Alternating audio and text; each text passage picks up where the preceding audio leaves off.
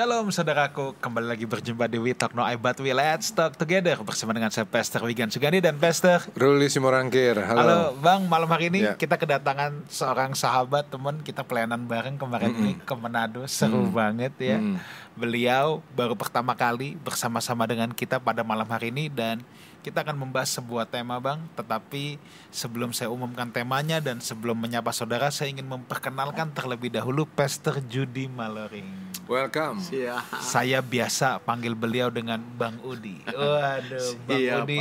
Pokoknya kalau ketemu Bang Udi, ini saya bawaannya mau ketawa aja.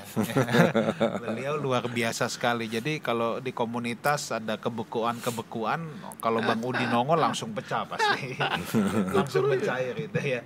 Aduh, Bang Udi, thank you banget udah menyempatkan diri Thank datang you. ya. Welcome. Dan ya pada Terima malam hari ini kita akan membahas tentang mengapa kita harus berkomunitas ya. Ya.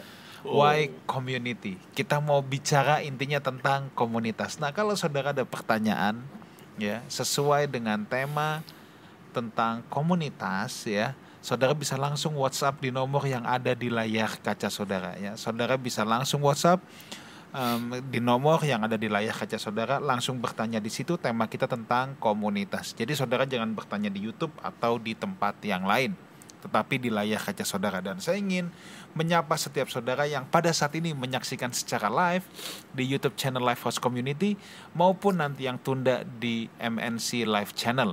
Saya ingin mengucapkan selamat bergabung, selamat belajar, selamat menikmati obrolan santai kita pada malam hari ini dan setiap saudara baik di Jakarta maupun di luar Jakarta saya ucapkan selamat bergabung. Oke Bang, saya mau buka dulu nih Bang. Oke. Saya mau baca satu ayat dulu nih tentang tema kita berkomunitas. Ayat itu gini. Tuhan Allah berfirman, tidak baik kalau manusia itu seorang diri saja. Aku akan menjadikan penolong baginya yang sepadan dengan dia. Kalau saya baca ayat ini, mungkin sebagian saudara akan berpikir kok ayat ini yang dibaca ini mah biasanya di undangan nikahan ya kan biasanya ini mah di undangan nikahan saudaraku saya suka dengan terjemahan bahasa Inggris it's not good for a man to be alone dalam ayat ini. It's not good for a man to be alone. Bukan to be single tapi to be alone.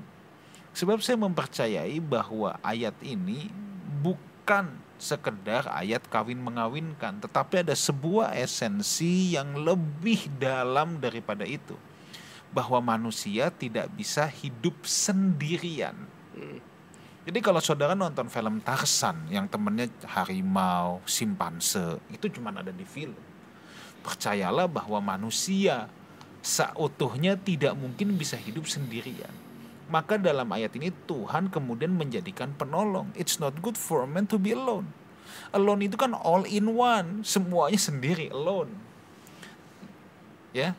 Tapi yang Tuhan bilang it's not good for a man to be single, bukan alone. Nah, jadi yang jadi persoalan itu ada pada alone, loneliness, all in one, semuanya sendiri. Jadi sebenarnya tidak ada masalah kalau orang tidak menikah juga kan. Paulus tidak menikah, Yesus selama di bumi juga tidak menikah, tidak ada masalah dengan tidak menikah. Tapi akan sangat jadi masalah kalau manusia mau hidup sendirian. Ya. Dia nggak mau tahu siapa-siapa, dia cuman mau tahu dirinya sendiri itu yang kemudian akan menjadi masalah. Nah, ini menjadi dasar yang pertama dan kita harus ingat kejadian satu dan dua adalah blueprint. Ini blueprint cetak biru Tuhan terhadap manusia. Karena ini belum ada kejatuhan Hmm. ke dalam dosa ya. Nah, lalu yang kedua, kalau kita bicara gereja, gereja itu apa? Nah, kan kita sepakat gereja itu kan esensinya ada pada orangnya. Bukan pada bangunannya, bukan pada kursinya, bukan pada layar LED, pengeras suara, AC yang dingin dan lain sebagainya. Bukankah Covid kemarin juga Tuhan pakai untuk memurnikan gerejanya? supaya gereja bisa mengetahui, bisa melihat apa yang esensi, apa yang aksesoris.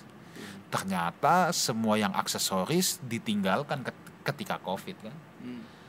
Gedung yang mewah nggak bisa dipakai, kursi yang empuk tidak bisa didudukin, AC yang dingin tidak bisa tidak bisa dinikmati. Tetapi apa yang tetap ada? Orangnya, komunitasnya. Makanya ada banyak gereja ketika Covid ya. Kalau mereka hanya menggantungkan pada pertemuan ibadah raya, tetapi secara community tidak pernah berjalan, secara komunitas tidak tidak berjalan, itu menjadi kesulitan tersendiri. Tetapi kalau secara komunitas berjalan, gereja itu akan tetap berjalan. Gedungnya memang lagi kagak bisa dipakai, ya. Pengeras suaranya, mikrofon memang sedang kagak bisa dipakai, tetapi esensi gereja itu tetap ada. Orang-orangnya tetap bisa saling membangun, saudara. Tetap bisa saling berkomunikasi. Nah, makanya again bahwa berkomunitas atau manusia itu memang tidak dirancang Tuhan untuk menjadi seorang diri saja. Intinya itu. Nah, Bang, mungkin mau ditambahin hmm. nih, Bang, sebelum Gua, kita ngobrol. Saya tambahin problem. Oh, ada siap. Jadi Pastor Wigan kan bilang tidak baik seorang hanya uh, seseorang hanya seorang diri saja, manusia seorang diri saja, betul ya? ya? Tapi ada masalah. Ini masalah ini juga ditulis oleh Gallup Poll, okay. jadi lembaga penelitian statistik di Amerika.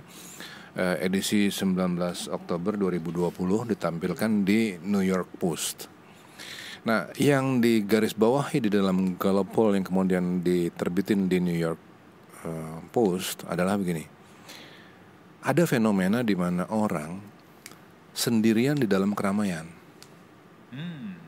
Ya kan baik ya, ya, tidak ya. baik seorang sendiri ya. saja betul. Nah tapi masalahnya ini orang udah rame-rame, dia udah ditemenin orang banyak, ya. tapi ternyata terjadi kesendirian di tengah keramaian. Kok bisa? Kok bisa? Nah ini juga perlu kita cermati nih sehingga kita nanti bedain nih antara kerumunan, yes dan komunitas. Wah. Ini mesti kita bedain juga nih malam ini kita obrolin ya kan. Nah, ayo kita obrolin nih.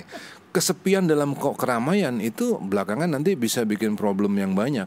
Itu fat fatalnya nih, fatalnya bunuh diri dan lain-lain. Nah, jadi yuk kita obrolin yang begitu-begitu yuk. Bang Ode, bisa kasih overview dulu nggak tentang kalau Bang Ode ditanya tentang komunitas, mungkin ada sekelibat dulu yang Bang Ode ingin sampaikan cuman apa ya uh, nyambung apa yang yang ayat yang Pastor Wigan bilang tadi tidak baik manusia seorang diri saja hmm. karena memang itu lahir dari memang sifat Tuhan hmm. Tuhan tidak mau sendiri hmm. iya kan yeah. walaupun memang benar itu bukan ayat untuk orang jomblo orang yang belum menikah hmm. tapi memang lahir dari sifat Tuhan bahwa memang Tuhan kita itu yang yang kita mau bahas malam ini Tuhan komunal, Tuhan komunitas, ah. Tuhan kebersamaan.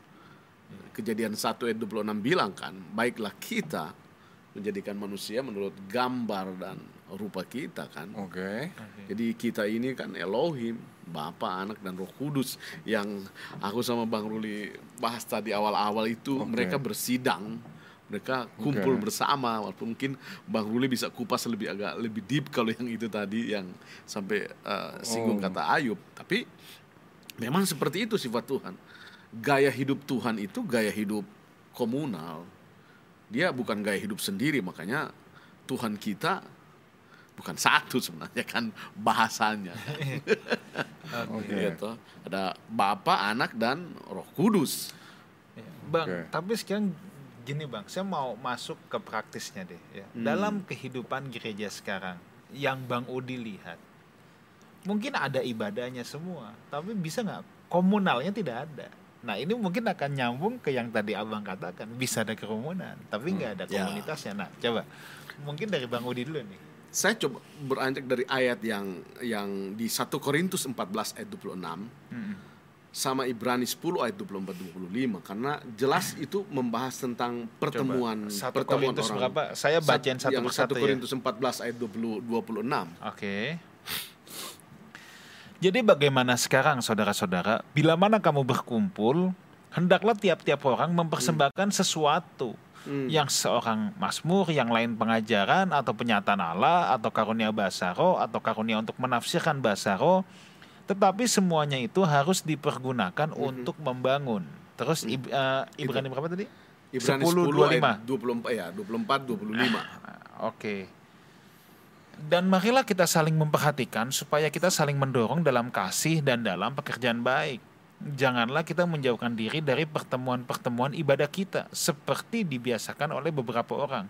Tetapi marilah kita saling menasehati dan semakin giat melakukannya menjelang hari Tuhan yang mendekat. Nah ini yang Bang Ruli bilang itu nanti jangan-jangan kita ada di kerumunan, tapi kita merasa lonely, kita sendiri gitu karena kita nggak ke situ tuh yang 1 Korintus 14 ayat 26 bilang bila mana kamu berkumpul Iya.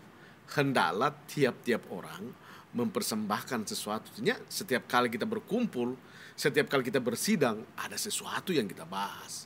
Ada sesuatu yang kita bagi. Karena kan komunal komunitas itu kan artinya hidup berbagi kan. Hmm. itu hidup hidup Tuhan. Hidup Tuhan adalah hidup berbagi dia tidak hidup untuk kepentingannya sendiri tapi dia hidup untuk kepentingan orang lain. Tentunya dalam kehidupan komunal ya. Hmm.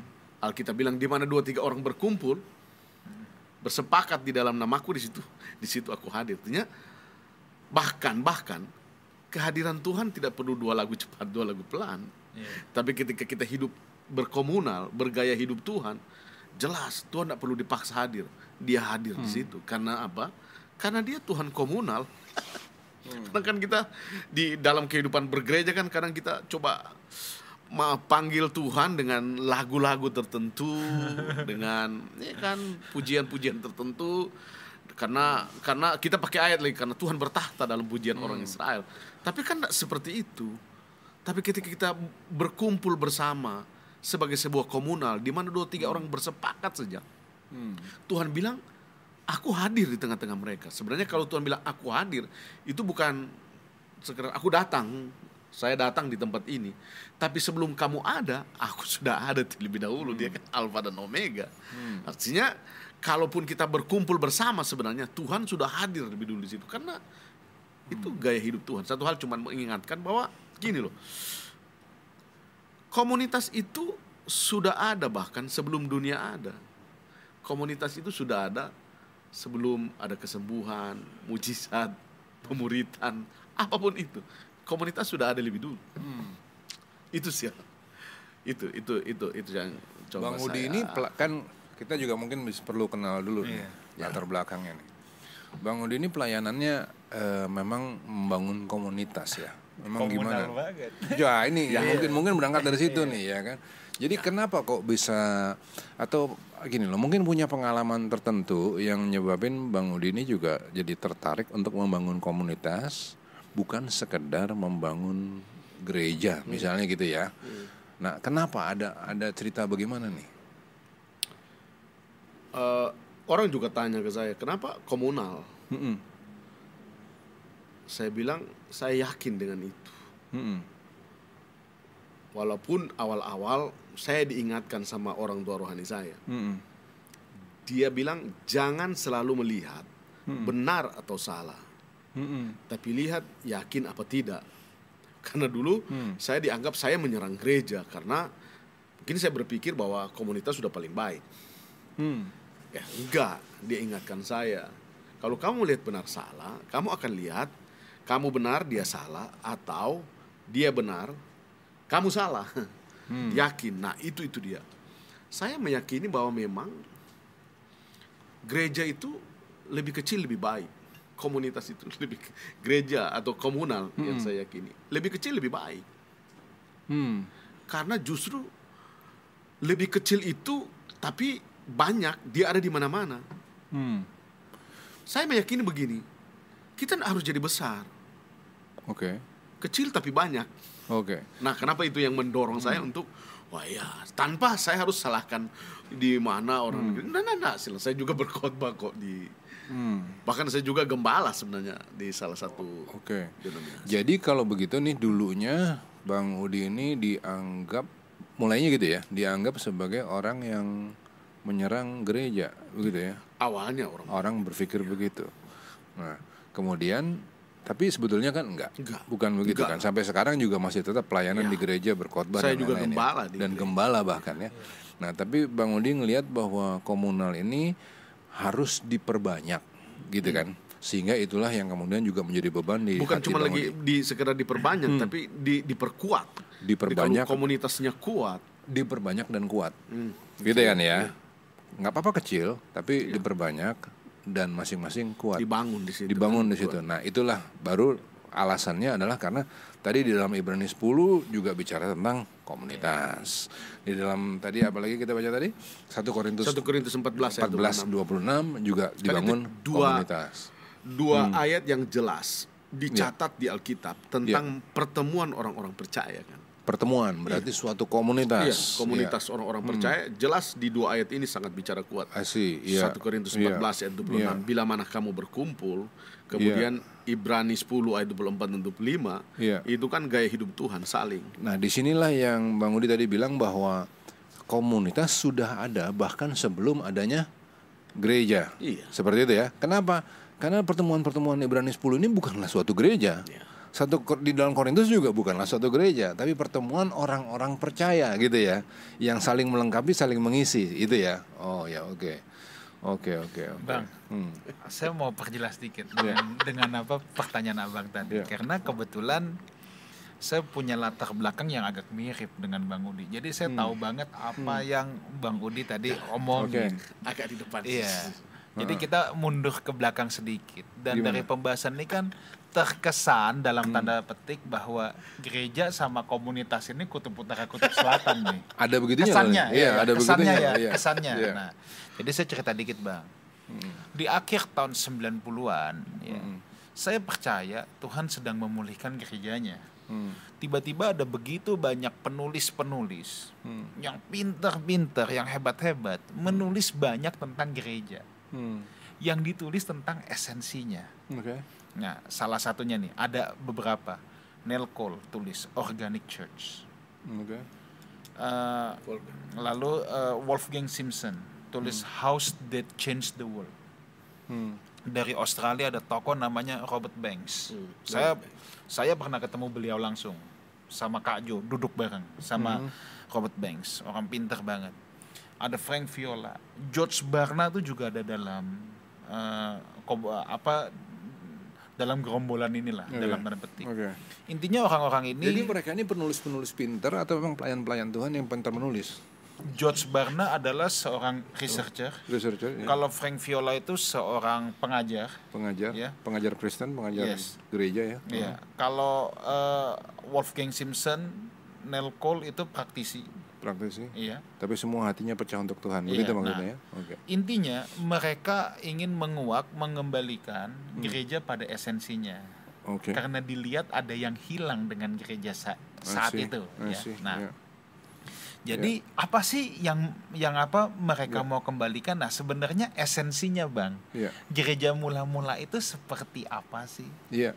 Karena memang kita memang sepakat gereja adalah orangnya, tetapi memang dalam gereja sendiri kan tidak bisa kita pungkiri sudah ada dalam tanda petik seperti sebuah kebekuan sehingga orang kalau dengar gereja pasti akan berasosiasi pada kebaktiannya, Hmm. gedungnya, Hmm. fasilitasnya. Ini loh yang mereka coba hancurkan Hmm. kan makanya dulu sampai ada guyon kan apa bedanya bioskop sama gereja? Katanya bedanya kalau bioskop bayar duluan gereja bayar belakangan. Kan sampai Hmm, ada guyon-guyon iya, iya, gitu. iya, iya, iya. apa bedanya gereja sama tempat karaoke?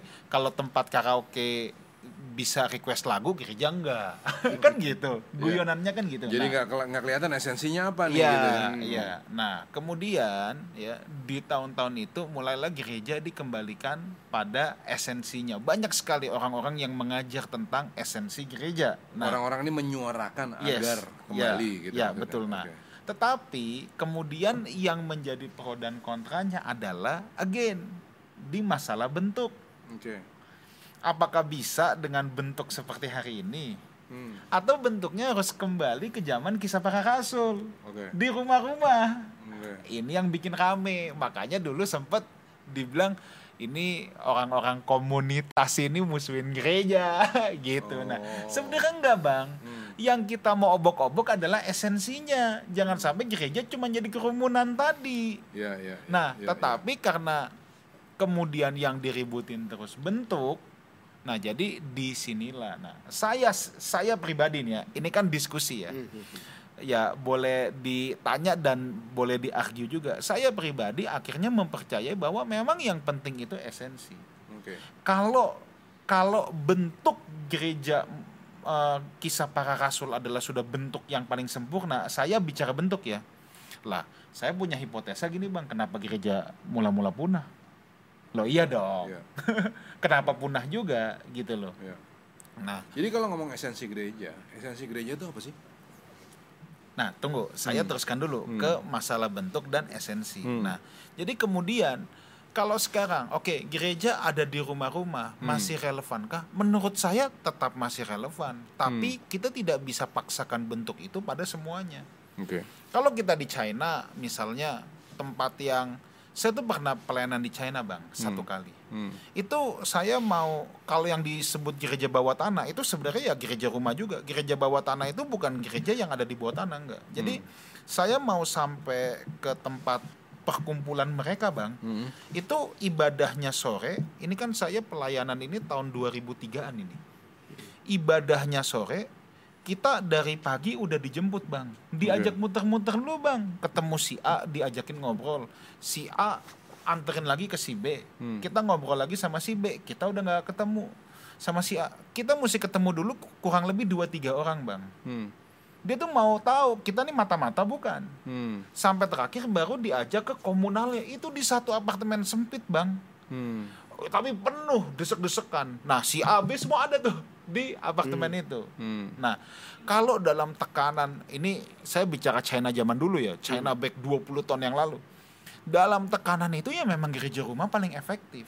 Hmm. Nah, tapi sekarang kalau di kota besar begini, apakah itu satu-satunya model? Hmm.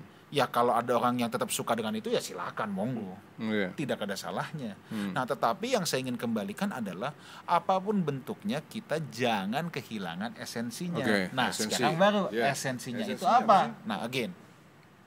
Yang pertama, esensi gereja menurut saya adalah divine encounter, perjumpaan ilahi. Hmm. Ini yang membedakan gereja dengan bioskop dan lain sebagainya. Oke. Kalau gereja tidak ada divine encounter, tidak ada perjumpaan ilahi, ya, maka ini tidak ada bedanya dengan social club. Hmm.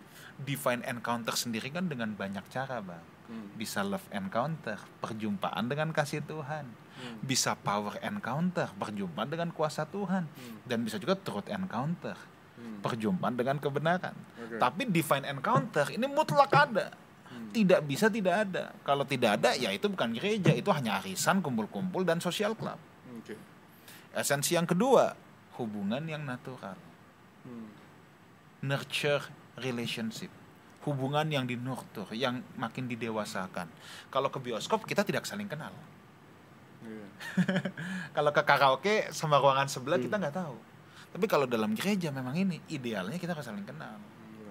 Jangan sampai kita kayak alien, kita nggak tahu siapa pun, deritamu deritamu, deritaku deritaku, pulang bye bye, gue pulang sendiri, gue juga nggak tahu siapa yang depan gue, siapa yang kanan kiri. Ini kan yang jadi masalah. Oke. Dan yang ketiga esensi gereja yaitu acceptance, penerimaan. Hmm. Seperti Yesus menerima orang-orang berdosa.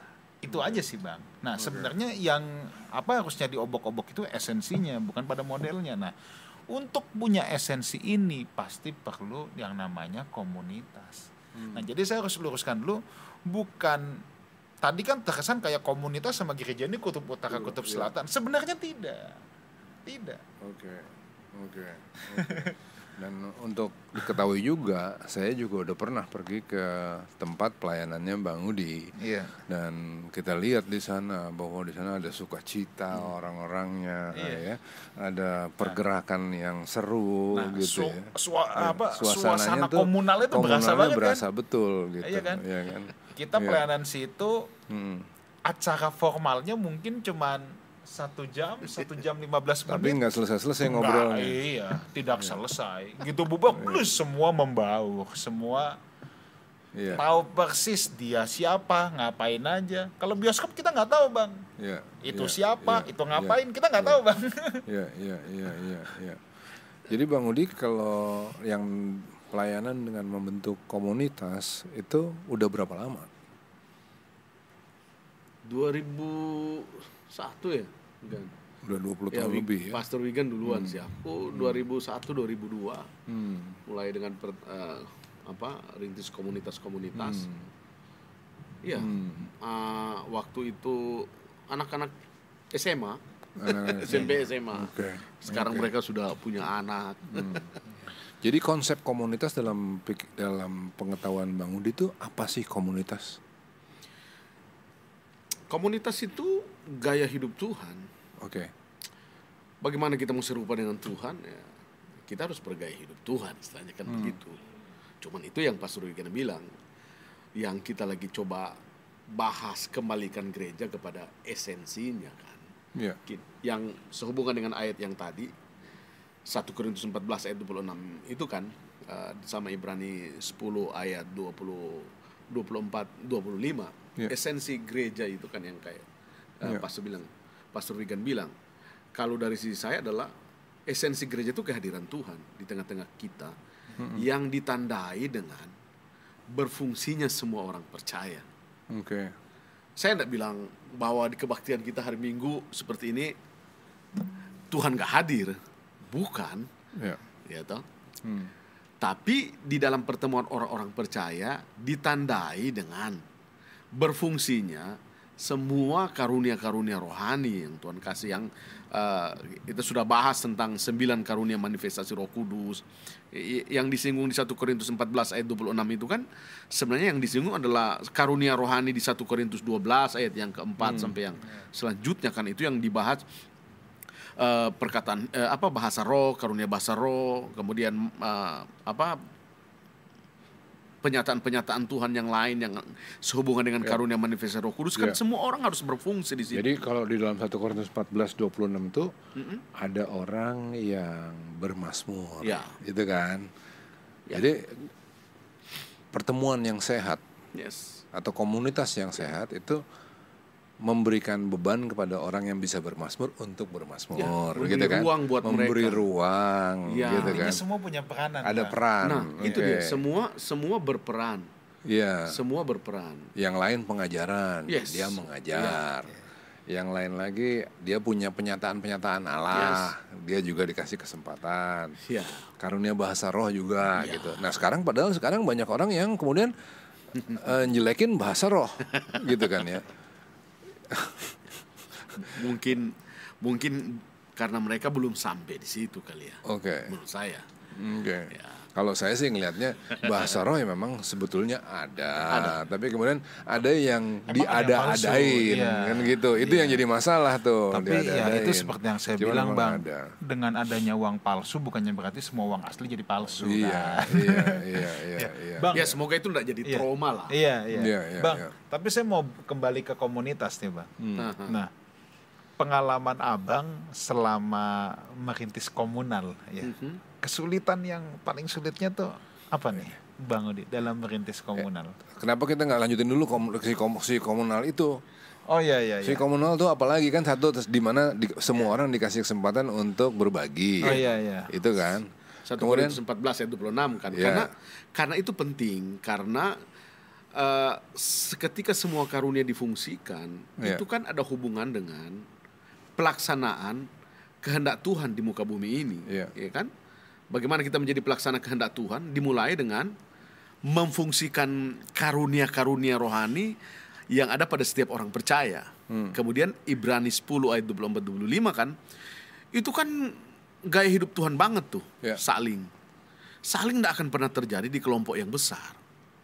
Gaya hidup saling itu ya. Ya, gaya hidup saling tidak mungkin akan terjadi di di kita bertiga ini gaya hidup saling malah lebih mantap loh. saling tuh gimana maksudnya? Saling membangun, saling mendorong, saling Jadi mendoakan. gaya hidup saling itu kalau Iya. di kitab kisah para Kisah rasul para rasul. banyak banget bang kata saling saling saling saling Nah, mendoakan, saling membangun. Padahal orang banyak yang gaya hidupnya silang, Ya, mengambil kesempatan dari orang lain ya kan. itu memanfaat semangat kan. Oke. Kita lebih cenderung bagaimana kita mendorong kan. Oke. Karena tujuan dari karunia-karunia ini kan 1 Korintus 14 ayat 26 bilang. Tujuan dari karunia bukan bukan untuk supaya kita gaya-gayaan, tapi tujuannya kan membangun. Bila mana kamu berkum, eh, hendaklah tiap-tiap orang mem- mempersembahkan sesuatu yang lain peng- Mazmur, pengajaran, bahasa roh, menafsirkan bahasa roh. Tapi semuanya itu digunakan untuk membangun. Oke. Jadi karunia yang ada pada kita digunakan untuk untuk membangun. Oke. Saya karunia yang ada pada saya untuk membangun Bang Ruli, membangun eh, Pastor Wigan. Demikian pula sebaliknya karunia yang ada eh, sama Pastor Wigan, karunia yang ada itu untuk membangun saya. Jadi kalau gitu kalau saya bikin definisi dengan angka 1 2 ya. Mm-mm. Komunitas adalah satu. Hmm. Tempat di mana setiap orang diberikan kesempatan untuk melaksanakan atau membagi karunia-nya. Itu satu. Kedua, komunitas adalah tempat di mana masing-masing anggotanya membawa yang lain kepada Tuhan, Hmm, membangun orang. membangun orang. Iya. Oke. Ya bangun dong. Karena kita, kalau 1 Petrus 2 ayat 5 bilang kan kita ini rumah Tuhan. Ya. Bagaimana rumah Tuhan bisa dibangun kalau kita tidak berfungsi? Ya, kita harus saling membangun supaya apa? Ya kalau bahasa bahasa karismatik dulu bilang supaya orang bisa melihat Tuhan lewat hidup kita kan, supaya kemuliaan Tuhan semakin nyata. Itu artinya kan gitu. Itu seperti kejadian yang orang ditandu untuk datang kepada Ya, Yesus. dua. itu Ya. dia. Terus Itu kan Markus 2. di rumah itu udah penuh nggak karu-karuan. Teman-temannya bawa tandu, jebol atap, turunin temennya kan. Jadi mem- membangun temannya untuk berjumpa dengan Yesus gitu kan. itu Ibrani 10 ayat 24 25 banget itu. Ah, oke. Sekarang kita ke Ibrani-nya ya. Ibrani 10. Oke. Terus terus terus terus. Ibrani 10 ayat 24 kan bilang, Hmm. Jangan menjauhkan diri. dari- janganlah kamu menjauhkan diri dari pertemuan ibadah kamu. Nah, maksud Oke. ayat ini apa sih Iya. bang? Soalnya banyak yang pakai ayat ini bilang kalau nggak datang kebaktian dosa bang. Iya. Kata ibadah di sini kan bukan worship service. Hmm. Tapi lebih Ibrani 10 ayat 20, di Ibrani 10 ayat 24 25 itu dia mem- membahas ada sekitar 3 4 kata saling loh. Hmm. Iya kan? Hmm. Jadi sebenarnya kalau mau dilihat Ibrani ini, janganlah kamu meninggalkan pertemuan ibadah kamu. Sebenarnya ini boleh kalau lebih praktis bisa dibilang begini. Janganlah kamu meninggalkan pertemuan-pertemuan saling membangun, saling mendoakan, saling menguatkan. Ada berapa puluh kata saling di Alkitab. Jangan meninggalkan pertemuan-pertemuan seperti itu menjelang kan di situ bilang kedatangan Tuhan pada kali yang kedua. Jangan tinggalkan pertemuan-pertemuan seperti ini. Jadi kita sudah bahas banyak tentang kedatangan Tuhan apa semua. Enggak.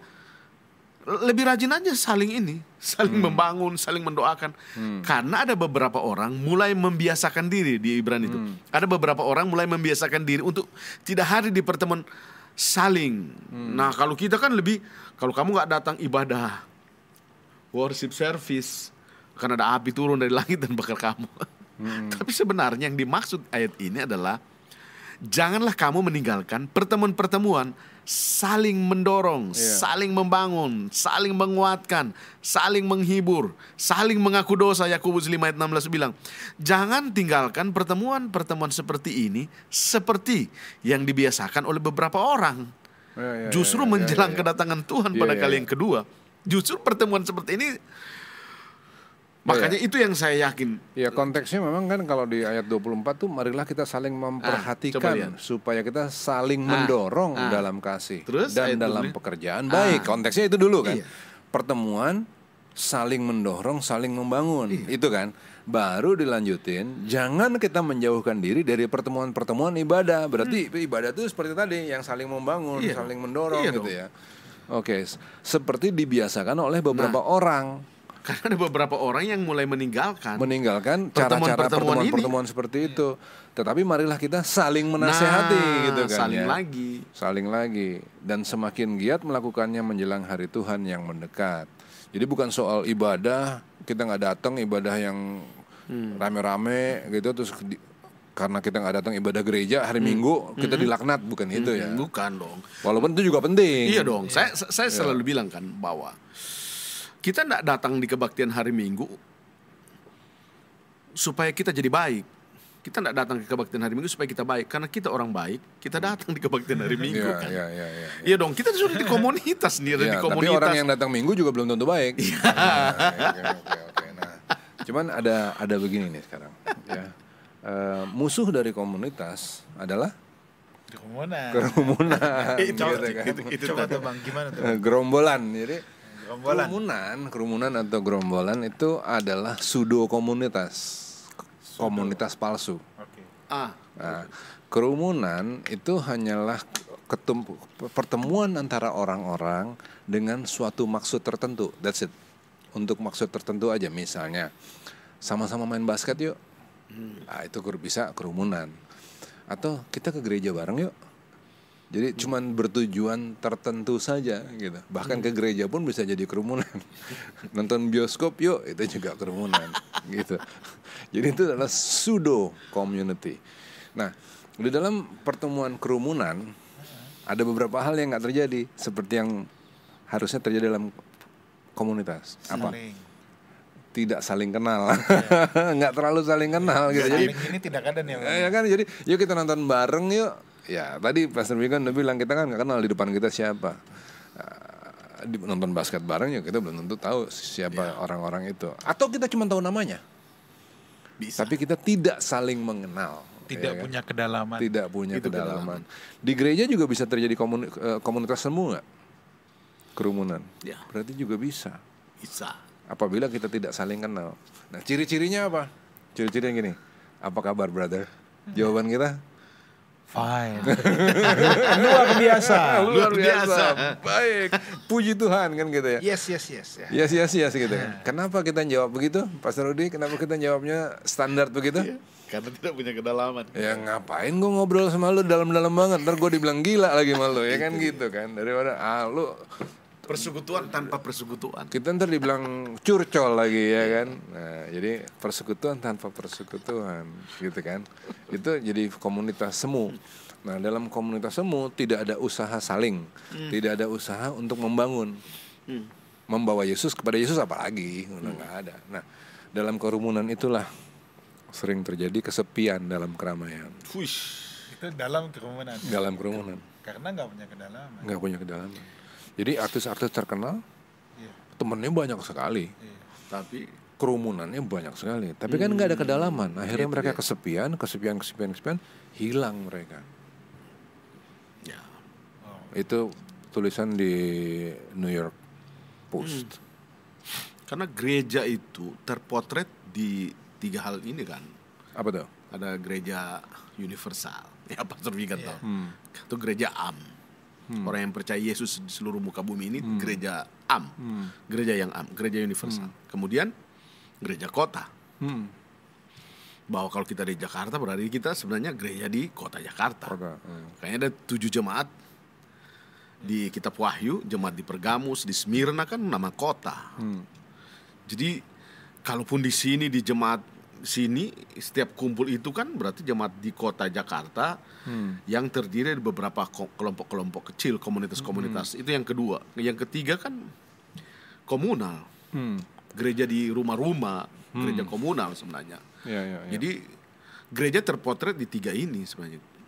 Disebut gereja kota sebenarnya kalau saya secara pribadi ya bisa salah.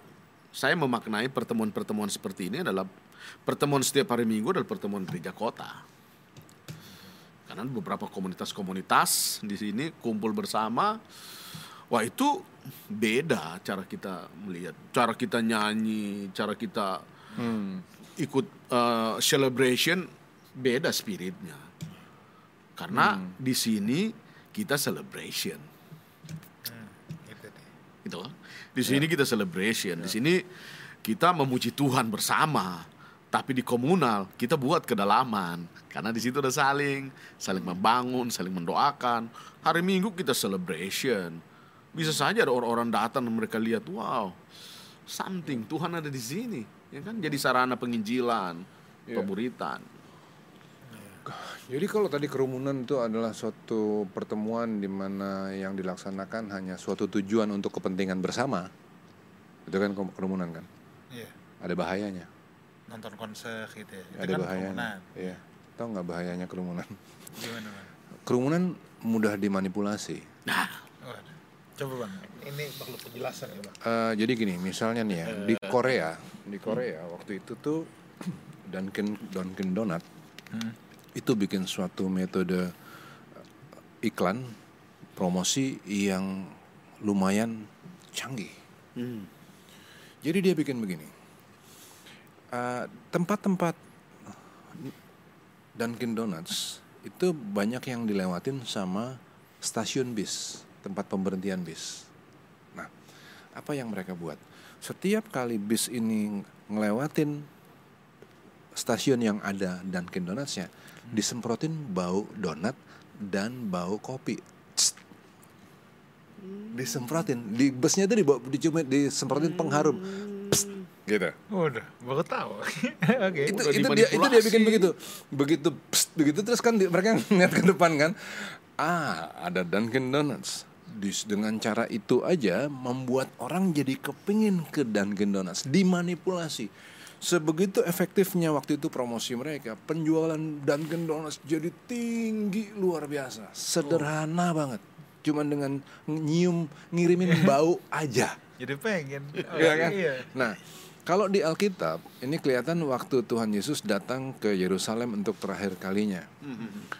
Mindset orang adalah bahwa dia akan jadi raja, menggantikan atau melanjutkan kejayaan Daud kan.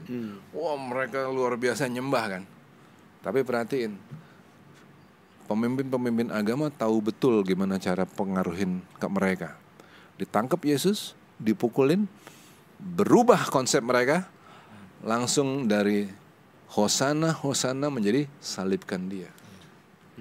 Kerumunan gampang di Gampang disetir ya. Setir karena cuma ada kepentingan di dalamnya. Oke. Sekarang saya balik kepada kerumunan. Hmm. Bang, bahayanya kalau gereja cuma jadi kerumunan. Tapi tidak ada komunitas. Hmm. Tidak ada community-nya, hanya ada kerumunan. Ya, akhirnya akan terjadi sekedar pencarian dari kepentingan bersama, kepentingan lo ya, kepentingan diri. Padahal gereja itu dibangun dari cara berpikir bahwa gereja harus terpecah untuk orang lain, melayani orang lain, bukan mengambil kepentingan diri sendiri. Itu loh.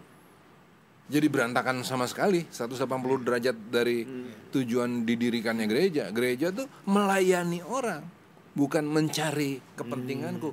Gereja, gereja tuh bukan soal ada apanya, Ah, apa adanya. tapi apa adanya. Iya, iya. Memberi bukan menarik gitu kan. Gereja kan begitu harusnya. Nah, ini tiba-tiba kumpul banyak orang yang sama-sama kepengen didoakan supaya terjadi pemulihan, kesembuhan, Hmm. Dapat supaya jerawat sembuh. Kan seperti itu jadinya. Akhirnya pemanfaatan kepada Tuhan. Kerumunan begitu tidak terjadi apa yang diharapkan tidak terjadi. KKR udah bikin gede banget, tapi tidak terjadi. Apa yang terjadi? Kecewa kan? Sama seperti yang Yesus datang ke Yerusalem untuk terakhir kalinya. Bang, saya mau tambahin nih, Bang. Tapi ya udahlah saya ngomong apa Hmm. Gas aja lah ya kan? Iya. Tentang kerumunan menjadi manipulasi, Bang. Hmm. Kalau gereja hanya kerumunan Hmm.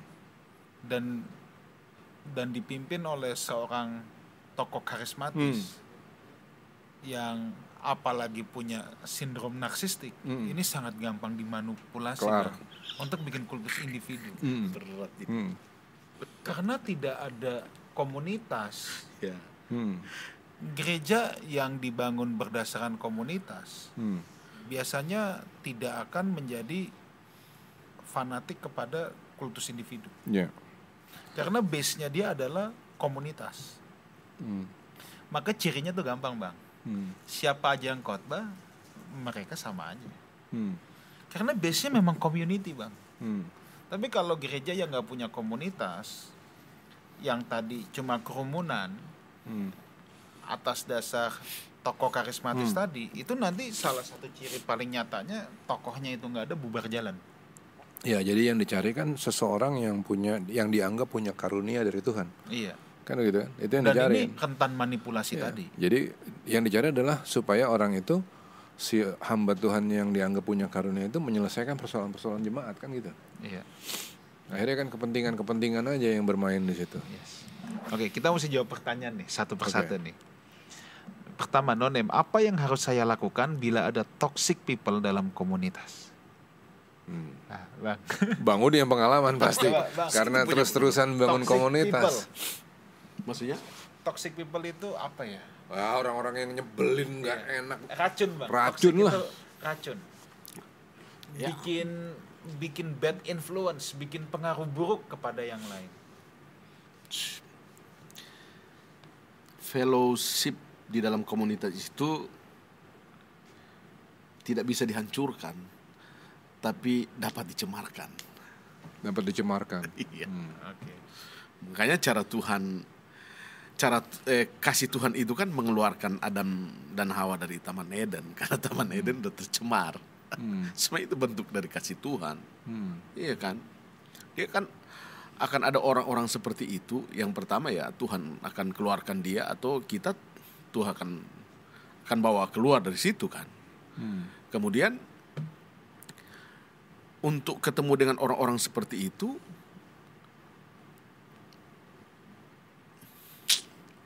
kalau dari pengalaman saya sih kan kita tidak akan pernah suruh orang keluar kan Iya. tapi sebenarnya kita sedang dilatih bagaimana belajar mengasihi Yes. dengan orang itu akan jadi cermin buat kita sebenarnya kan masalahnya kan bukan ada di luar kita kan Iya. sebenarnya permasalahannya ada di dalam kita Iya. ya kan Iya, iya, iya, iya. kan Iya. Iya. Kalau kebenci Hmm, terus terus terus. kasih dan kebencian kan bergerak hampir-hampir mirip. Kita Iya. akan menjadi sama dengan apa yang kita kasih. kita juga akan menjadi sama dengan apa yang kita benci. Oke. Kan bergeraknya hampir-hampir mirip. Iya. Jadi kita mesti putuskan. Kita harus mengasihi dia kan. Iya. Iya dong. Kita nggak usah tengking usir dia enggak. Masalahnya kita kita kan nggak bisa rubah keadaan kita. Kita nggak bisa rubah sekeliling kita. Tapi kita bisa merubah apa yang ada dalam kita kan. Itu Iya. dia. Itu menghadapi orang-orang seperti itu ya. Iya. Di Mungkin ada sini di sini sebetulnya yang dibutuhin adalah hikmat ya. Ya. Karena yang disebut dengan mengasihi itu bukan terus-terusan Ya. tidak menegur loh. Ya. Jadi pasti. untuk toxic people memang dia harus dikasihi. Kadang-kadang tidak menegur kadang-kadang. Kadang-kadang kita ngerangkul, kita Ya. dengerin dia. bisa Ya kan? Tapi bukan berarti terus-terusan Ya. begitu.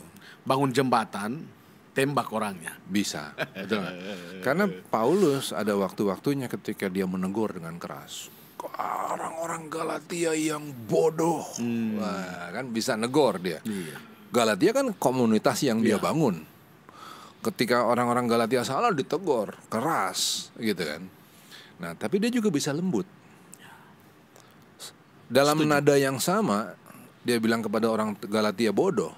Dia tulis betapa besar tulisan tanganku kan. Hmm. Karena dia nulis sendiri. Iya. Biasanya dia ditulisin sama anak buahnya, sekali ini dia tulis sendiri, matanya jelek. Tulisannya jadi tangannya gede, tulisannya gede-gede. Jadi di situ kan ngeliatin kelembutan hatinya. Iya. Pada saat yang sama dia keras tapi juga punya kelembutan hati. Nah, Pimpinan-pimpinan komunitas dan anggotanya harus punya hikmat. Kapan dia harus keras, Yes. kapan dia harus lembut. Tapi bayangin kalau nggak ada orang-orang toksik, nggak belajar dia hikmatnya ya. kan gitu kita ngelihatnya ya. Iya dong. Tapi sepakat kita tidak bisa membuang orang ya. Bang? Janganlah, Iya. itu beban yang Tuhan kasih ke kita. Ya udahlah, jangan Justru dibuang. kita harus menggarami Menggarami, betul. supaya toksiknya jadi tawa. Kasih kan merangkul bukan bukan memukul. Tapi boleh juga mukul. Ya. Iya. Ya tadi. Tadi hikmat. Perlu hikmat. Makanya Iya. kalau kalau yang teknis begini, ya kita kan harus bangun dulu jembatan sama orang itu kan. Baru kita tegur.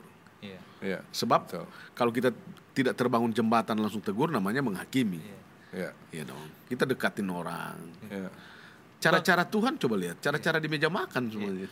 Bang, pertanyaan ini bagus bang. Karena kalau kita ngelihat semua artikel yang ada di dunia ini bang, kalau kalau ada orang toksik, gunting buang ke tong sampah bang. Iya, betul. Lo iya kan? Betul, betul, betul, betul. Tapi kan di sini kita Iya. bicara komunitas. Yes. Komunitas kan bertujuan untuk membawa orang kepada Tuhan. Bahkan menegur itu bang kan di di di Alkitab, di komunitas diajar Kalau kita tegur orang, tegur itu penting yang Bang Abang bilang tadi itu memang benar. Ah. Itu di komunitas terjadi. Kalau ada yang salah, ada yang toksik seperti itu, ada satu orang tegur empat mata, kemudian tegur dia di hadapan pemimpin, para penatua, iya kan? Atau di depan jemaat. Dia kemudian di depan jemaat kalau nggak dengar lagi ya sudah. Ya, Iya, Oke. Oke, pertanyaan kedua nih ya. Nonem lagi. Saya tidak suka keramaian. Bagi saya bertemu dengan orang lain sangat menghabiskan energi. Oh. Saya merasa bisa bertumbuh dengan belajar sendiri tanpa harus ikut komsel. Bagaimana menurut pastor? Ya, Bang Udi dulu lah. Udah bang. Oke. Ya kan memang nggak semua orang. Kan ada tipe-tipe orang. Iya. Ada extrovert, Hmm. ada introvert, Hmm. gitu. Puji Tuhan kalau bisa bertumbuh sendiri, kita kita bangga sama yang nanya itu silahkan gitu ya. Tapi bagaimanapun, kalau namanya kita mau saling berbagi, kita mau saling melengkapi, ya kan nggak bisa sendirian juga. Nah, Tidak baik manusia seorang diri seorang saja. diri tadi. gitu kan. Jadi ya harus juga gini. Kita juga mesti mikir gini, besi menajamkan besi, manusia menajamkan sesamanya. Kalau kita sendirian aja, ya di mana kita mau ditajemin? Hmm. Pengertian kita bagus. Pengertian kita bagus. Saya percaya betul bahwa pengertian yang bertanya ini memang mendalam tentang Alkitab. Good, oke? Tapi ada juga yang disebut dengan book smart, street smart. Iya. Book smart adalah pengetahuan yang mendalam tentang isi buku. Iya. Tapi bagaimana menerapkannya itu kepada manusia lain? Bagaimana caranya supaya kita bisa menjamah orang lain? Bagaimana caranya supaya orang lain bisa menjamah kita? Itu kan hanya bisa terjadi melalui interaksi. Iya. Jadi book smart, street smart, jangan lupa Ya, ada Bang. gitu-gitunya. Ini kebetulan ya. Hmm. Istri saya, anak. Oke. hmm.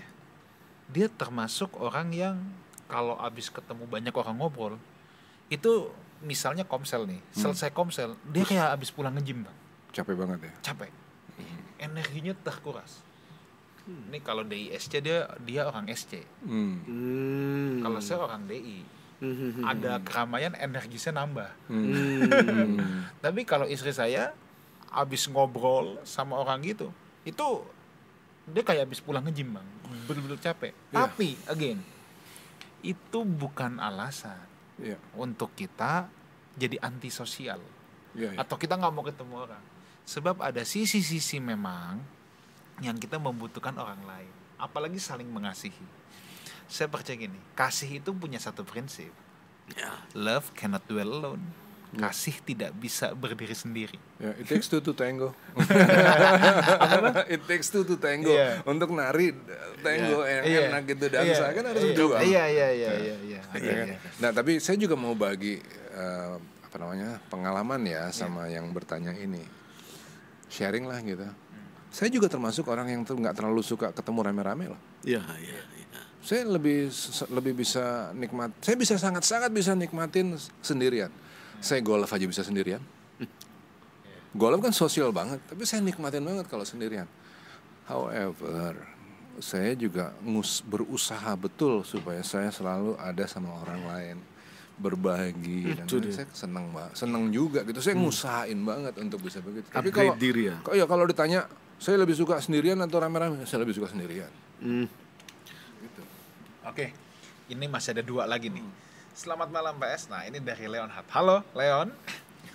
Bagaimana seharusnya gereja menyikapi agar masing-masing anggota komunitas terlebih dalam komsel agar dapat mawas diri dalam hubungan berbisnis sesama anggota supaya tidak terjadi konflik di kemudian hari yang bisa berefek dan berimbas pada lingkungan gereja agar tidak saling menyalahkan satu sama lain di kemudian hari dan menjadi pahit karena tidak semua anggota mempunyai knowledge yang baik serta motivasi-motivasi terselubung dalam sebuah komunitas. Terima kasih. Bang mungkin mau jawab, Bang. Ya, Tentang jangan- bisnis bareng lah ini. intinya. jangan punya motivasi terselubung dalam dalam komunitas. Sebenarnya tidak itu. ada yang salah dengan bisnis bareng. nggak ada yang ya. nggak ada yang salah. Kalau terselubung, nah ini loh Iya. yang kacau nih. Iya. Yang kacau tuh di iya. situ. Dan mungkin kalau bisnis bareng ada baiknya semuanya ada hitam di atas putihnya bang ya. Iya. Supaya clear, jelas pembagian tugas Gini, semua. salah satu yang mesti dipelajarin dalam suatu komunitas adalah coba ciptain pribadi-pribadi yang what you see is what you get. Oke. Itu dulu. Kalau kalau dalam komunitas kita pakai tropeng, ya nggak terjadilah saling tadi. Udahlah pakai so, pakai topeng, ada kepentingan lagi di dalamnya, ada sesuatu yang terselubung ya berantakan. Jadi ini nggak sederhana jawaban. Jawab, cak ngomongnya sederhana, tapi nge- ngejalaninnya nggak sederhana. Kalau Leon sekarang ada di dalam suatu komunitas, pertama-tama bentuk dulu saling percaya di dalam komunitas itu sehingga nggak ada lagi topeng-topeng tadi itu. Ancurin topeng-topengnya. You see what you get. Eh, apa? What you see is what you get, Pacific. Ya. Gitu dong, itu pertama kali yang harus dibentuk. Oke, te- terakhir, tolong tanya pastor, sistem apa yang harus dibangun untuk memulai komunitas di gereja besar yang jemaatnya lebih dari seribu? Terima kasih. iya. Oke, mungkin saya jawab singkat aja nih ya. Ya, memang kalau gereja sudah terlanjur besar, tetapi belum punya komunitas kecilnya dan ingin memulai, ya mungkin bisa mencontoh Yitro Hmm? dalam kisah Musa. Nah, Yitro. Oke. Iya, ya, mungkin itu adalah uh, cara yang bisa membantu dulu lah, ya. Kalau udah terlanjur besar tapi belum ada komunitas kecilnya, ya itu seperti Musa dan Yitro ya. Nanti, Gimana tuh Musa dan Yitro? Ya, ntar ada pemimpin berapa, pemimpin Ya, berapa. dipecah-pecah, dipecah-pecah. Ntar lihat sendiri deh di Oke. kitab apa itu. Iya, itu di mana? Keluaran. Itu- Keluaran kali ya. Kayaknya kan? itu keluaran. Iya, rasa dikeluaran. Oke, thank you so much. Kita udah di Thank you. penghujung acara, Bang Udi. Thank you banget. Asik Thank you. udah ngobrol sama-sama kita. Ada satu Makasih. closing statement singkat, padat dan jelas tentang community. Komunitas apa ya pesan-pesan saya? Hidup di dalam gaya gaya hidup Tuhan Ya. dengan mulai hidup di dalam komunitas, berbagi, saling menguatkan satu dengan yang lain. Temukan orang-orang yang yang yang mau berbagi hidup bersama. Temukan orang-orang di sekitar kita tanpa harus memulai siapa dari siapa, tapi masing-masing dari kita lah teman-teman yang hadir kira-kira malam ini mulai mulai memutuskan untuk temukan dua tiga orang bersama-sama bersepakat berbagi kemudian jalani saja percaya bahwa Tuhan menyertai kita Tuhan menolong kita Oke, Bang. Kalau saya tertarik dari tadi dengan kalimatnya Bang Udi bahwa Allah yang kita sembah bukanlah Allah yang penyendiri. Itu itu itu, itu catchy banget buat saya karena memang perhatiin ya bahwa sering kali ditulis Allah selalu berada bersama dengan anak-anaknya. Bene Elohim dalam bahasa Ibrani-nya. Allah bukan Allah yang penyendiri. Dia menikmati banget keberadaan bersama-sama dengan anak-anaknya. Nah, kalau kalau pol- kalau pola hidup komunitas itu bahkan berada di surga, surga aja begitu. Ya kita juga harus begitu. Oke. Kalau saya terusik dan terngiang dengan apa yang Bang Ruli sampaikan tentang kerumunan dan komunitas. Jadi pastikan anda berada di dalam komunitas, bukan, Bukan berada dalam di dalam kerumunan. kerumunan. Itu keren. Oke. Thank you Bang Udi. siap Saudaraku, terima kasih sudah menyaksikan We Talk pada kesempatan ini dan minggu depan kita bakal seru banget lagi Bang. Kita Ya. kedatangan seorang hamba Tuhan muda yang dipakai Tuhan Siapa? khususnya dalam TikTok, Oh, Pastor Brian Syawarta. oh, oke. Oh, kita Oke. mau membahas Oke. tentang reaching the unchurched Nice. untuk menjangkau orang-orang yang, Yang belum terjangkau. Oke. So, see you next week di We Talk No I But We Let's Talk Together. God bless you. Bye.